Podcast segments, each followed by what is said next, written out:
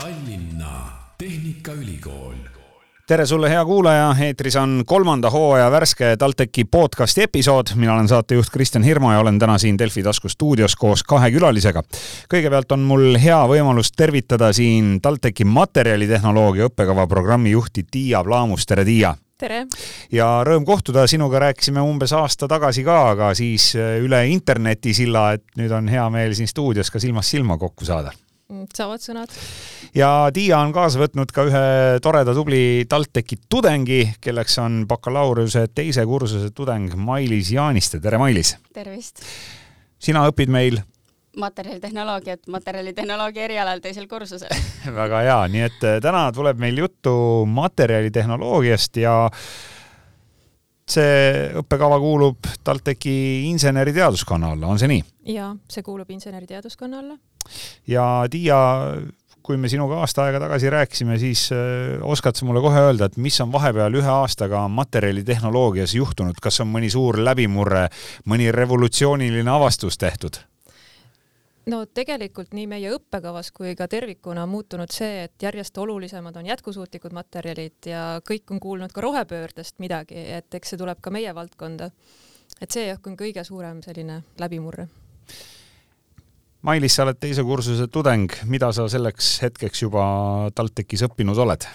mida sa tead, kui sinu käest täna näiteks küsitakse, räägi mulle midagi materjalidest, siis mis on see miski, mis on sulle nagu ekstra korda läinud ja, ja, ja, ja millega, millega sa ennast oled nii-öelda kurssi viinud uh,? huvitav on see, et uh, ma olen hakanud nägema maailma kuidas ma ütlen, nagu molekulaarselt ehk siis ma vaatan vett, ma ei näe enam lihtsalt vett, vaid ma näen nagu juba molekule või ma mõtlen nagu, et kuidas need siis äh, toimiksid erinevates olukordades. okei okay,, et seal on üks vesinik ja kaks hapnikku ja mis seal on, eks ju, ja siis kõik see muu sinna juurde. vastupidi, aga ah, jah jah no näed, teadmiste kontroll kohe.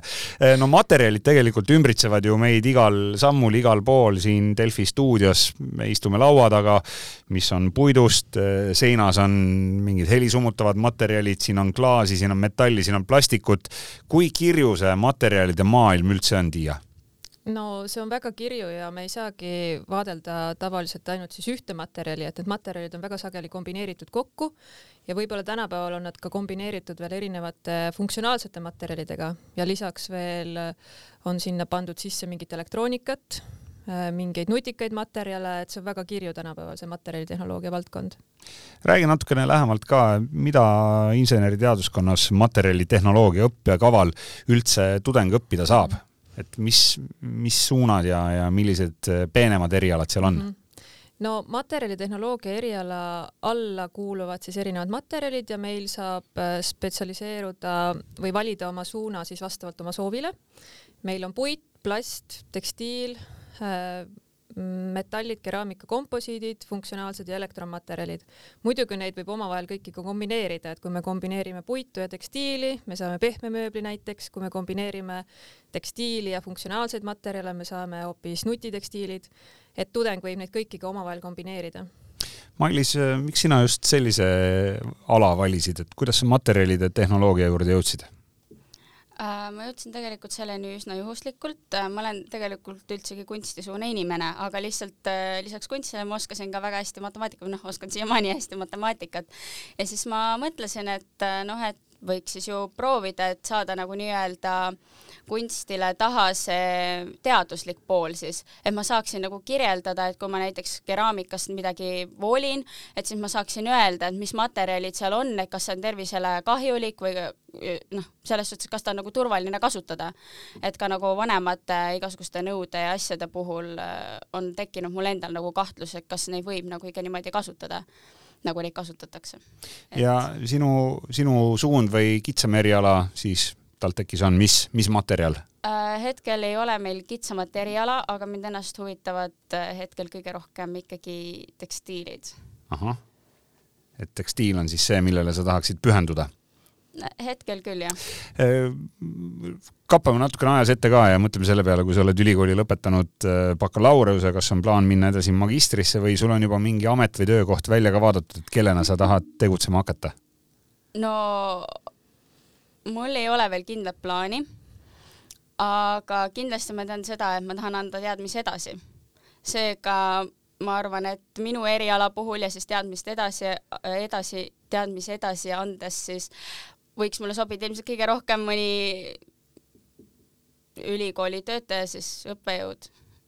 no Tiia kuulab seda juttu suure huviga ja ma usun, et teil on sinna TalTechi ridadesse uusi hakkajaid õppejõude kindlasti vaja. aga räägime natukene sellest valdkonnast, materjalitehnoloogia. keda te üldse koolitate seal Tehnikaülikoolis? on need inimesed, kes teavad nii-öelda materjalidest kõike või nad oskavad neid materjale kasutada? mul jääb praegu natukene mhm. võib-olla segaseks, et kes sealt, kes sealt nii-öelda teie ülikoolist tulevad? No materjalitehnoloogia bakalaureuse õppekavalt tulevad sellised üliõpilased või lõpetajad, kes siis on saanud laiapõhjalise hariduse nii materjalide vallas, kui neil on ka üldiselt head teadmised matemaatikas, füüsikas, keemias ja peaksid siis sealt välja tulema sellised head insenerid. Ja kindlasti ei saa kõiki teadmisi ju ülikoolist, et tänapäeval meil on elukestev õpe, et inimene peab ikkagi täiendama ennast jätkuvalt kogu aeg ja järgmisest vastuvõtust, mis meil sügisel, kes siis alustavad õpinguid, on ka see nüanss juures, et me oleme pannud õppekavasse juurde ringmajandusega seotud õppeaineid, meil on sissejuhatus ringmajandusse ja kohe esimesel aastal siis ka säästlik materjalitehnoloogia, selline õppeaine. no piltlikult öeldes siis, et kuidas äh, prügist või, või mingitest äh, asjadest, mida inimesed enam ei vaja, toota midagi, mis on jälle kasulik no, laias laastus laias laastus küll. uusi aga... materjale? Jaa, aga me peaksime vaatlema tegelikult selle materjali või toote tootmist kui tervikut ja kogu selle toote elutsüklit, et ka juba seda, et kui me teda valmistame, et me, kas me saame teda selliselt valmistada, et teda hiljem on parem ümber töödelda näiteks. et me kindlasti ei tegele ainult siis jäätmete ümbertöötlemisega, et me peaksime, ka ringmajanduse kontseptsioon on see, et me vaatame kõike nagu laiemalt, et kust see toormaterjal on pärit kuidas need tootmisprotsessid toimuvad, kuidas me neid tooteid üldse inimesteni viime et see on niisugune suur tervik. no materjalitehnoloogia, see ongi väga lai mõiste, sellepärast et meil on olemas mingid materjalid, mis on meil juba olemas, eks mm -hmm. ju, mhm. puit, äh, kivi, mingid sellised looduslikud materjalid mm, -hmm. siis on mingid materjalid, mida inimene toodab, nagu sa siin juba mainisid, eriti hea, kui seda saaks veel mingist taaskasutatud mm -hmm. toormest toota, mhm. et kui lai see materjalitehnoloogia mõiste üldse on? no nagu sa mainisidki, et on traditsioonilised puitmaterjalid, aga kui me puidust nüüd mõtleme edasi, et kuidas seda puitu saaks paremini väärindada, siis me saame ju tselluloosist tegelikult toota ka bioplaste, mis võiksid asendada tulevikus siis sünteetilistest polümeeridest toodetud plaste et ongi, et puit võib-olla meile tavainimesele seostub sellega mingi kapp või puulusikas, aga tegelikult sealt noh, saab edasi liikuda sellise kõrgtehnoloogiliste lahendusteni ka.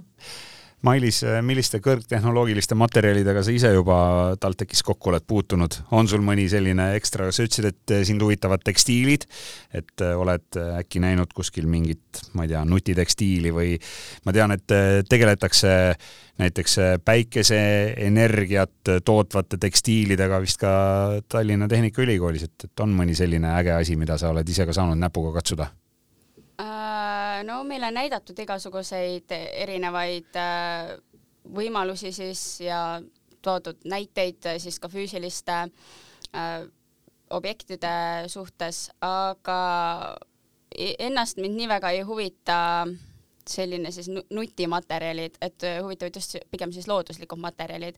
Ehk siis äh, tekstiilist siis hetkel mulle meeldivad näiteks lina, mis on väga pika ajalooga ma tean, et äh, rõivaste taaskasutamine või kangaste või vanade riiete taaskasutamine on ka tegelikult teema.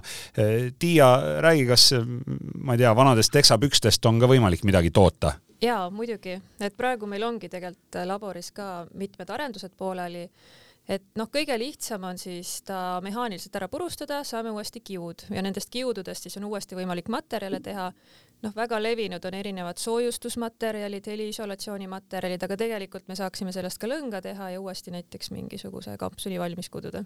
Nii et äh, vanad teksapüksid saaks põhimõtteliselt uuele ringile ja, lasta? ja, ja seda juba ka tehakse maailmas. no kõik see rohepööre ja jätkusuutlik ja keskkonnasäästlik elu ja käitumine, see on praegu väga-väga suur teema Mailis, kuidas tudengitel selles vallas on, et, et kui sa ise seal nende materjalidega kokku puutud, kas sa näed, et käib, käib ka selline eh, mõistlik tarbimine ja, ja ressursside uuesti kasutamine, et kuidas tudengid selles vallas ennast üleval peavad? no tudengite osas nagu, kui need, kes on materjalitehnoloogiat tulnud õppima, nad kindlasti rohkem praegu nagu säästavad loodust ka igapäevaelus, et noh, mõtlevad selle peale, et kuidas noh, homne päev oleks nagu vähem, siis tekiks prügi, onju ja samamoodi ka rohkem on ühistransporti hakatud kasutama tudengite seas ka, et need, kes enne võib-olla tulid autoga kooli, nüüd tulevad ühistranspordiga. Aga üleüldiselt inimeste suhtumine rohepöördesse,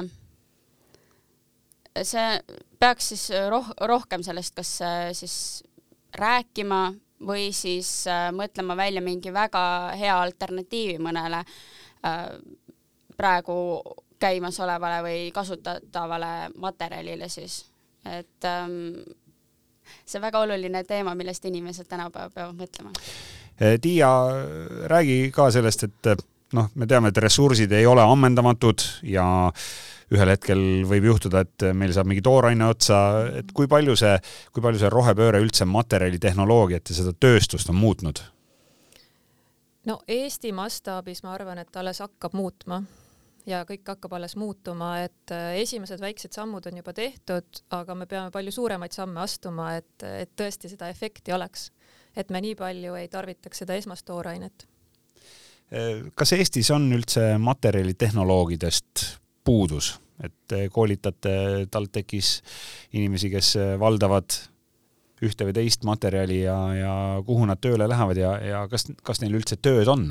tööd on, et meil toimub igal kevadel ka praktika- ja töömess, et kust võtavad erinevad ettevõtted osa. Ja sellel aastal oli tegelikult väga hästi ka näha seda trendi, et erinevad startup ettevõtted otsivad materjalitehnoloogia järjest rohkem. Ja muidugi tavapäraselt need meie suured tööstusettevõtted samamoodi. Et äh, kuna siis soovitakse just seda lisandväärtust luua uute materjalide näol, näiteks startup ettevõtetes või uute tehnoloogiate näol, siis on just vaja selliseid materjalitehnoloogia. no aga too mõni hea näide mõnest Eesti startup'ist, et äh, milliseid materjale nad, nad vajavad või, või kes, kes seal siis millega tegelema hakkab? no näiteks äh, oli meil sellel aastal üks ettevõte Äh, kes hakkab tootma siis, kelle tootmine toimub siis, ringleb siis vesiniku ümber, et on vaja siis selliseid seadmeid välja töötada ja selle, sellised spetsialistid peavadki siis kõige paremini materjale tundma. või siis erinevad kütuseelemendid või siis superkondensaatorid, et samamoodi, kus kasutatakse palju erinevaid materjale. kas mingite alternatiivide kasutusele võtmine on ka tänapäeval teema, mulle meenub kohe ka üks Eesti ettevõte, kes on siin äh, asunud usinasti nii-öelda vana head mullikile mm -hmm. asendama lambavillaga, et, et see on ju tegelikult selline päris huvitav lähenemine. ühest küljest on see looduslik materjal, teisest küljest on see nii-öelda alternatiivse materjali kasutusele võtmine, et mm, -hmm. et kui suur teema see on?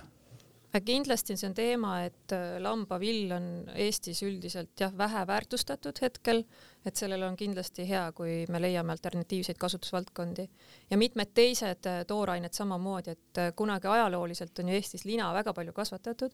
tänaseks päevaks on see kasvatamine peaaegu peatunud, et kiulina ei kasvatata enam, et miks mitte seda uuesti taasavastada. aga kas ei ole odavam mingeid muid materjale kasutada? No üks asi on odavus, aga ma arvan, et õige pea me ei saa seda asja niimoodi ainult ühe külje pealt vaadelda ja ilmselt ka maksusüsteemi ja, ja muudesse süsteemidesse tuleb sisse ka see jätkusuutlikkuse ja ringmajanduslikkuse komponent.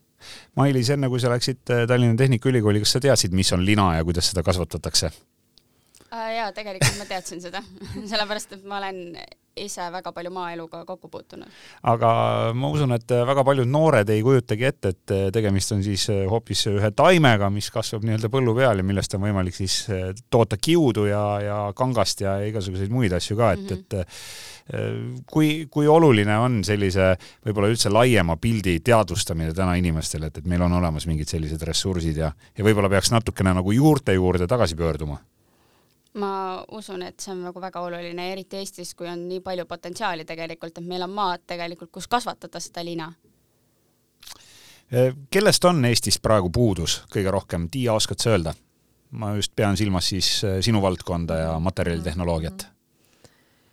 no ma ütlekski niimoodi ühe sõnaga, et materjalitehnoloogidest eh, ja meil on hästi oluline oleks see, et Eesti ettevõtetes järjest kasvaksid arendusosakonnad et kus mõeldakse erinevaid innovaatilisi asju välja, et järjest rohkem Eesti ettevõtted võiksid teha oma tooteid, mis on tehtud nutikatest materjalidest, et me kindlasti ei tohiks mõelda, et et oi, meie väike riik, et mida me siin ära saame teha, aga ma arvan, et me saame väga palju siin ära teha Mailis, kui sa Tallinna Tehnikaülikooli läksid, sa ütlesid, et sul oli tegelikult matemaatika huvi juba olemas ja see võiks olla TalTechi tudengil nii-öelda juba kodust kaasa võetud, aga aga räägi võib-olla natukene lähemalt üldse veel nendest õppeainetest, et eh, mis sinu erialal sulle siis nii-öelda sealt esimesel-teisel kursusel vastu on vaadanud, et, et on sul mõni eriline lemmik tekkinud, on mõni selline, mis esmapilgul tundus võib-olla natukene raskem, aga pusimisega oled hakkama saanud, et, et mida, mida sa seal üldse õppinud oled veel peale matemaatika? ma arvan, et ma olen õppinud äh, armastama seda, mida ma olen seni vältinud Eh, ehk siis äh, ained nagu keemia ja füüsika onju, mis mul tegelikult varem ei olnud nii väga nagu meeltmööda, siis nüüd ma olen avastanud, et aa, need on ju päris huvitavad ja ägedad ained tegelikult. no aga mõni sinu valdkonnaga rohkem seotud aine ka, et, et keemia, füüsika, matemaatika, see on selline jah, need on nagu tavalised ja, ja neid ja. õpitakse esimesel aastal rohkem ja nüüd ongi nagu see, et on hakanud nii-öelda see praktilisem pool kus ma siis äh, rohkem üritangi hetkel keskenduda siis tekstiilidele, aga on ka meil äh, metalliaine, nüüd ma just tulingi otse metalli loengust, kus siis räägitakse erinevatest sulamitest ja sellest, kuidas neid kasutada. Ja funktsionaalsed materjalid, äh, kus siis ka päikesepaneelidest näiteks tegin esitluse Tiia, kui palju üldse tudengid saavad nii-öelda nuusutada mingeid teisi materjale ka, et, et ma saan aru, et kui mm. toimub see spetsialiseerumine, et, et kes läheb metalli, kes läheb tekstiili suunas, et kui palju need äh, õppeained üldse seal integreeritud on ja, ja kui palju siis nii-öelda tudengid mingeid muid asju ka saavad proovida? no süsteem on selline, et, et kolmandal vabandust, neljandal semestril tudengid siis äh, saavad õppida kõiki neid materjaliaineid, et metallid, puit, plast, tekstiil ja funktsionaalsed materjalid. ja tegelikult esimesel õppeaastal on neil säästlik materjalitehnoloogia, kus ka kõik need materjalid on käsitletud ja peale seda viimasel ehk kolmandal õppeaastal nad saavadki valida endale meele, meelepärased õppeained ja meelepärased materjalid. ja lisaks tegelikult üliõpilased võivad ka vabaõppes lõputult õppe, õppeaineid õppida, sest selles suhtes on valik ikkagi väga lai. kas inseneriteaduskonnast käiakse nii-öelda aineid noppimas ka kõrvalteaduskondadest, ma ei tea, majandusest või, või loodusteadustest? jaa, ikka et äh, praegu näiteks on väga hea näide meil see õppeaine sissejuhatus ringmajandusse, mis tegelikult on materjalitehnoloogia all, aga meil on seal siis üliõpilasi kahekümne kuuelt erinevalt õppekavalt. nii et see toob ja liidab siis ja. Äh, üle terve ülikooli ja. tudengeid kokku. Äh, millega vilistlased tegelevad? Selles valdkonnas ma saan aru, et, et materjalid on selline põhiteema, aga, aga kuhu üldse liigutakse, noh, sa oled juba maininud siin ka päris selliseid äh, innovaatilisi uusi mhm, startup firmasid, aga, aga kuhu veel TalTechi vilistlased, kes materjalitehnoloogialt tulevad, kuhu nad tööle suunduvad? no siin tasubki võib-olla välja tuua veel üks selle õppekava eripära, et äh, vilistlased või lõpetajad saavad rakendust väga erinevates valdkondades et alates seal moedisainerist näiteks, kes on tekstiilisuuna valinud, kuni teadlasteni välja või siis on meil ka üks lõpetaja, kes läks kohtuekspertiisi instituuti tööle hoopis või siis tehakse oma ettevõte, tõesti startup või siis minnakse mõnda traditsioonilisse ettevõttesse tööle, näiteks siis standardisse. Mailis, sinu plaanidest juba uurisime, et sa võib-olla soovid rohkem üldse keskenduda teadustööle ja jääda edasi TalTechi ja miks mitte kunagi õppejõud äh, sinust võiks saada, aga aga kui sul oleks võimalik äh, teha oma valdkonnas ära ükskõik mida, no see on selline ulmevaldkonda kuuluv küsimus ja sa saaksid maailmas ära lahendada ühe probleemi või midagi muuta, siis kas sa oskad mulle kohe öelda, et, et mis see oleks, et mida sa tahaksid teha või, või mis, mis võiks olla see probleem, mille, millele sa tahaksid lahendust otsida? Materjalitehnoloogia erialal otseselt ei oska, aga ma arvan, et inimesed peaksid kohe kindlasti noh, eelkõige siis nooremad inimesed peaksid kindlasti äh, rohkem mõtlema kastist välja ja minu meelest TalTech annabki nagu seda kastist välja mõtlemist ülipalju, et sa saadki põhimõtteliselt äh, teha kõike, piiranguks on vaid sinu enda fantaasia, aga sa pead lihtsalt selle välja mõtlema, et kuidas seda siis nagu teostada. et äh, sul on võib-olla mingisugune mõte ja aga sa pead nägema nagu ja TalTech annabki selle nagu nii-öelda raja selle mõtteni ja kuidas sa saad seda teostada. millega tudengid peale õppimise veel tegelevad? on neil, on neil mingeid äh, toredaid ajaveetmise võimalusi või käiakse koos, elatakse seltsielu, et oled sa ise äkki mõne tudengiorganisatsiooni liige äh,? ma käisin Tallinna Tehnikaülikooli orkestris, aga hetkel ma soovin ennast iseseisvalt arendada, seega ma ei ole üheski tudengiorganisatsioonis hetkel, kui siis ainult äh, haldan äh, Tallinna Tehnikaülikooli materjalitehnoloogia Facebooki ja Instagrami lehte. aga tudengid muidu on, meil on ülipalju erinevaid igasuguseid organisatsioone, et ongi muusikaorganisatsioonid, kus saab siis äh, pilli mängida, siis on tantsida saab, laulda saab, et kõike muud, mida nagu noh, nii-öelda saada siis aju puhtaks vahepeal sellest keemiast ja mõtted nagu vahepeal mingi muu asja peale ka, et saab ka sportida, et väga head sportimisvõimalused on TalTechis. ja ma olen kuulnud, et TalTechis on ka väga ägedad peod. jaa, peod on ka ägedad eh, Tiia, äkki sul on jäänud silma, et mida tudengid veel peale õppimise teevad, et millega nad oma vaba aega sisustavad, kas käiakse ka kooli kõrvalt tööl? Äh, jaa, käiakse tööl et käiakse nii erialaselt tööl kui siis ka mitte erialaselt, et äh, kuidas kellelgi siis äh, võimalused on. aga milliseid lahedaid projekte näiteks pakub Tallinna Tehnikaülikool, kui me räägime kasvõi materjalitehnoloogiast, on teil ka seal igasuguseid mingeid äh, ma ei tea, võistlusi ja, ja erinevaid laboreid ja, ja mingeid selliseid toredaid ettevõtmisi, kus tudengid saavad siis õppetöö välisel ajal kaasa lüüa? Mm, jaa, et näiteks Mailiski käib meil laserlõikurit harjutamas et kui tudengil on soov tulla mõnda laborisse väljaspool õppetöö aega, siis ta peab lihtsalt labori poole pöörduma. et saab ise käed külge panna ja, ja täitsa siis reaalses elus ja. kõike seda juba katsetada. mis on kõige populaarsemad laborid, kus käiakse, kas või sinu, sinu valdkonnas? no niimoodi on raske välja tuua, et eks igas laboris käiakse ja tudengitel on ka materjalitehnoloogia projekt, mida nad nüüd õppetöö siseselt arendavad, et, et seal me üritame pigem võrdselt jagada neid laborite vahel ära. kui nüüd noor, kes kuulab meie podcasti, ei tea veel päris täpselt, mida õppida, aga ta tunneb, et see materjalitehnoloogia võib-olla on just see õige, mida sina, Mailis, soovitaksid, enne kui TalTechi sisse hakata astuma et öö, äh, oskad äkki mõne sellise praktilise nõuande ka anda? mida sa ise tegid või, või tundsid või kuidas sa ennast nii-öelda ülikooli vormi viisid, enne kui sa TalTechi sisse astusid? no mulle väga meeldib õppida seega nagu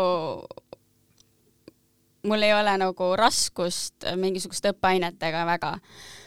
ja kui ma ise läksin TalTechi, siis ma mäletan, et esimene asi, mis mulle väga meeldis, olid just inimesed et kõik tulid vastu, ka õppejõud, et mitte ainult tudengid ise siis, vaid ka teised õppejõud, et kui sa läksid ja küsisid midagi, sa ei osanud, sa ei teadnud, kus mingi ruum asub, jäid kogemata hiljaks, siis nagu kõik antakse kas andeks või siis äh, tullakse just nimelt vastu, et nagu nüüd laserliikurigagi küsisin, et, et sooviksin tulla, siis nagu tule, et äh, lastakse nagu hästi palju vabalt nii-öelda oma loovusel lennata. Tiia, keda oodatakse just nimelt materjalitehnoloogiat õppima, et millised eeldused või millised huvid peaksid nendel tude-, tulevastel tudengitel olema? no kindlasti huvi selle eriala vastu, et kui niimoodi laiemalt äh, noorele soovitusi anda, siis mina isiklikult soovitaksin, et valige see eriala, mis teile kõige rohkem meeldib. et ärge mõelge selle peale, kus on kõige suurem sissetulek või mingitele teistele sellistele teguritele, et kindlasti jälgige oma südant. no Mailis mainis siin äh, matemaatikat, keemiat, füüsikat, et kui tudengikandidaadil nüüd päris võib-olla kõik need õppeained ei ole lemmikute hulgas, et kas, kas on šanssi Tallinna Tehnikaülikooli inseneriteaduskonnas materjalitehnoloogiat ikkagi õppida?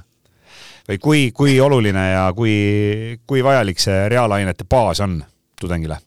no kindlasti peaks õpilane olema sooritanud äh, laia matemaatikaeksami, et see on number üks, et ilma selleta ei saa. aga muud keemiad, füüsikad no, tulevad, tulevad ülikoolis juurde? jaa, et no on võimalik ennast ka nii-öelda järje peale aidata. sest ma tean, et äh, Tehnikaülikoolis äh, teinekord on räägitud legende sellest, et füüsika on kõige suurem komistuskivi üleüldse inseneriteaduskonnas. no vahel on selleks ka matemaatika näiteks Mailis, kuidas sulle tundus füüsika? Füüsika mulle väga meeldis, kuidagi füüsikaõppejõud oli selline, kes suutis mulle väga hästi kõik asjad nagu selgeks teha. et no mina võingi olla üks see näide, kes nagu tuleb nii-öelda selliste teadmistega, noh, varem võib-olla vahe, noh, mul on vaheldumisi nagu vahepeal meeldinud keemia ja füüsika ka, aga mitte nagu nii väga, et matemaatika on see põhiline olnud, mis mulle on nagu ainena ka põhikoolis ja gümnaasiumis väga meeldinud. aga olengi siis see näide, kes äh, tuleb põhimõtteliselt äh, noh, väga väheste keemia ja füüsika teadmistega ja mul on suud-, suudetud selgeks teha need teadmised ja edasi anda, et äh, mulle väga meeldib see. et sa oled oma valikuga rahul? jaa, ja õppejõud nagu noh, päris paljud õppejõud on sellised, kes nagu ei äh, lähtu, nad nagu ei eelda, et sa oled varem neid asju õppinud, vaid sa tead või kui sa küsid, siis nad vastavad sulle. nii et saab hakkama? Saab väga hästi hakkama. Eh, Tiia, räägime veel korraks eh, sellisest suurest asjast nagu rohepööre, millest praegu hästi palju räägitakse ja ja kui suurt osa sa materjalide ja nende materjalitehnoloogiate juures üldse selle rohepöörde juures praegu näed, et et eh, see vist on väga oluline teema? jaa, kindlasti materjalitehnoloogial on rohepöörde juures väga oluline roll et me mõneti seda puudutasime siin juba ja ma rõhutaks veel kord seda, et, et me ei peaks vaatlema ainult neid jäätmeid, peaksin vaatama kogu seda materjali loomise tsüklit, toote elutsüklit, et kõik, mis seal siis sellega toimub, et me ei peaks keskenduma nendele jäätmetele ainult. ja nagu sa juba mainisid, siis äh, uuest õppeaastast ka täitsa kohe temaatilised mm -hmm. õppeained, äh, suunad, nii et, et kes tunneb, et tahaks maailma päästa läbi materjalide ja materjalitehnoloogiate, siis äh, TalTech on õige koht. Äh, tahad sa veel midagi tänasele kuulajale öelda, äkki jäi meil midagi olulist mainimata?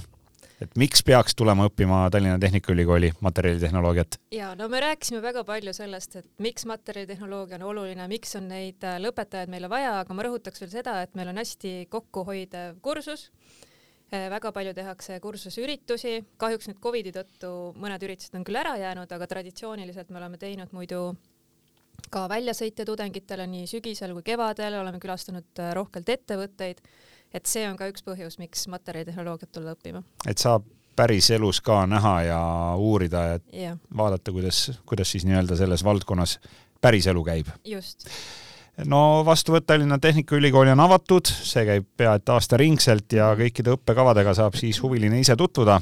kodulehel, milleks on teejuht.taltech.ee ja ma usun, et meie jutust täna saab ka kindlasti nii mõndagi vajalikku välja noppida. suur tänu, Mailis Jaaniste, materjalitehnoloogia teise kursuse tudeng, et said täna aega siia podcasti tulla ja aitäh sulle ka, Tiia aitäh sulle, Kristjan! Tiia Plaamus, TalTechi materjalitehnoloogia õppekava programmi juht ja lisaks ka vanemlektor. nii et eh, kes läheb eh, Tallinna Tehnikaülikooli õppima, siis eh, suur tõenäosus on, et Tiiaga saab ka kohtuda, eks ju? jaa. ja aitäh sulle ka, kes sa kuulasid ära tänase TalTechi podcasti. kõik need podcasti episoodid on kuulatavad Delfi tasku keskkonnas, lisaks veel ka Spotify's, Apple podcastis ja teistes suuremates podcasti rakendustes. otsi need üles, hakka jälgijaks ja nii jõuavad kõik uued saated ja episoodid sinuni. mina olen saatejuht Kristjan Hirmu ja kohtume järgmises TalTechi episoodis. thank you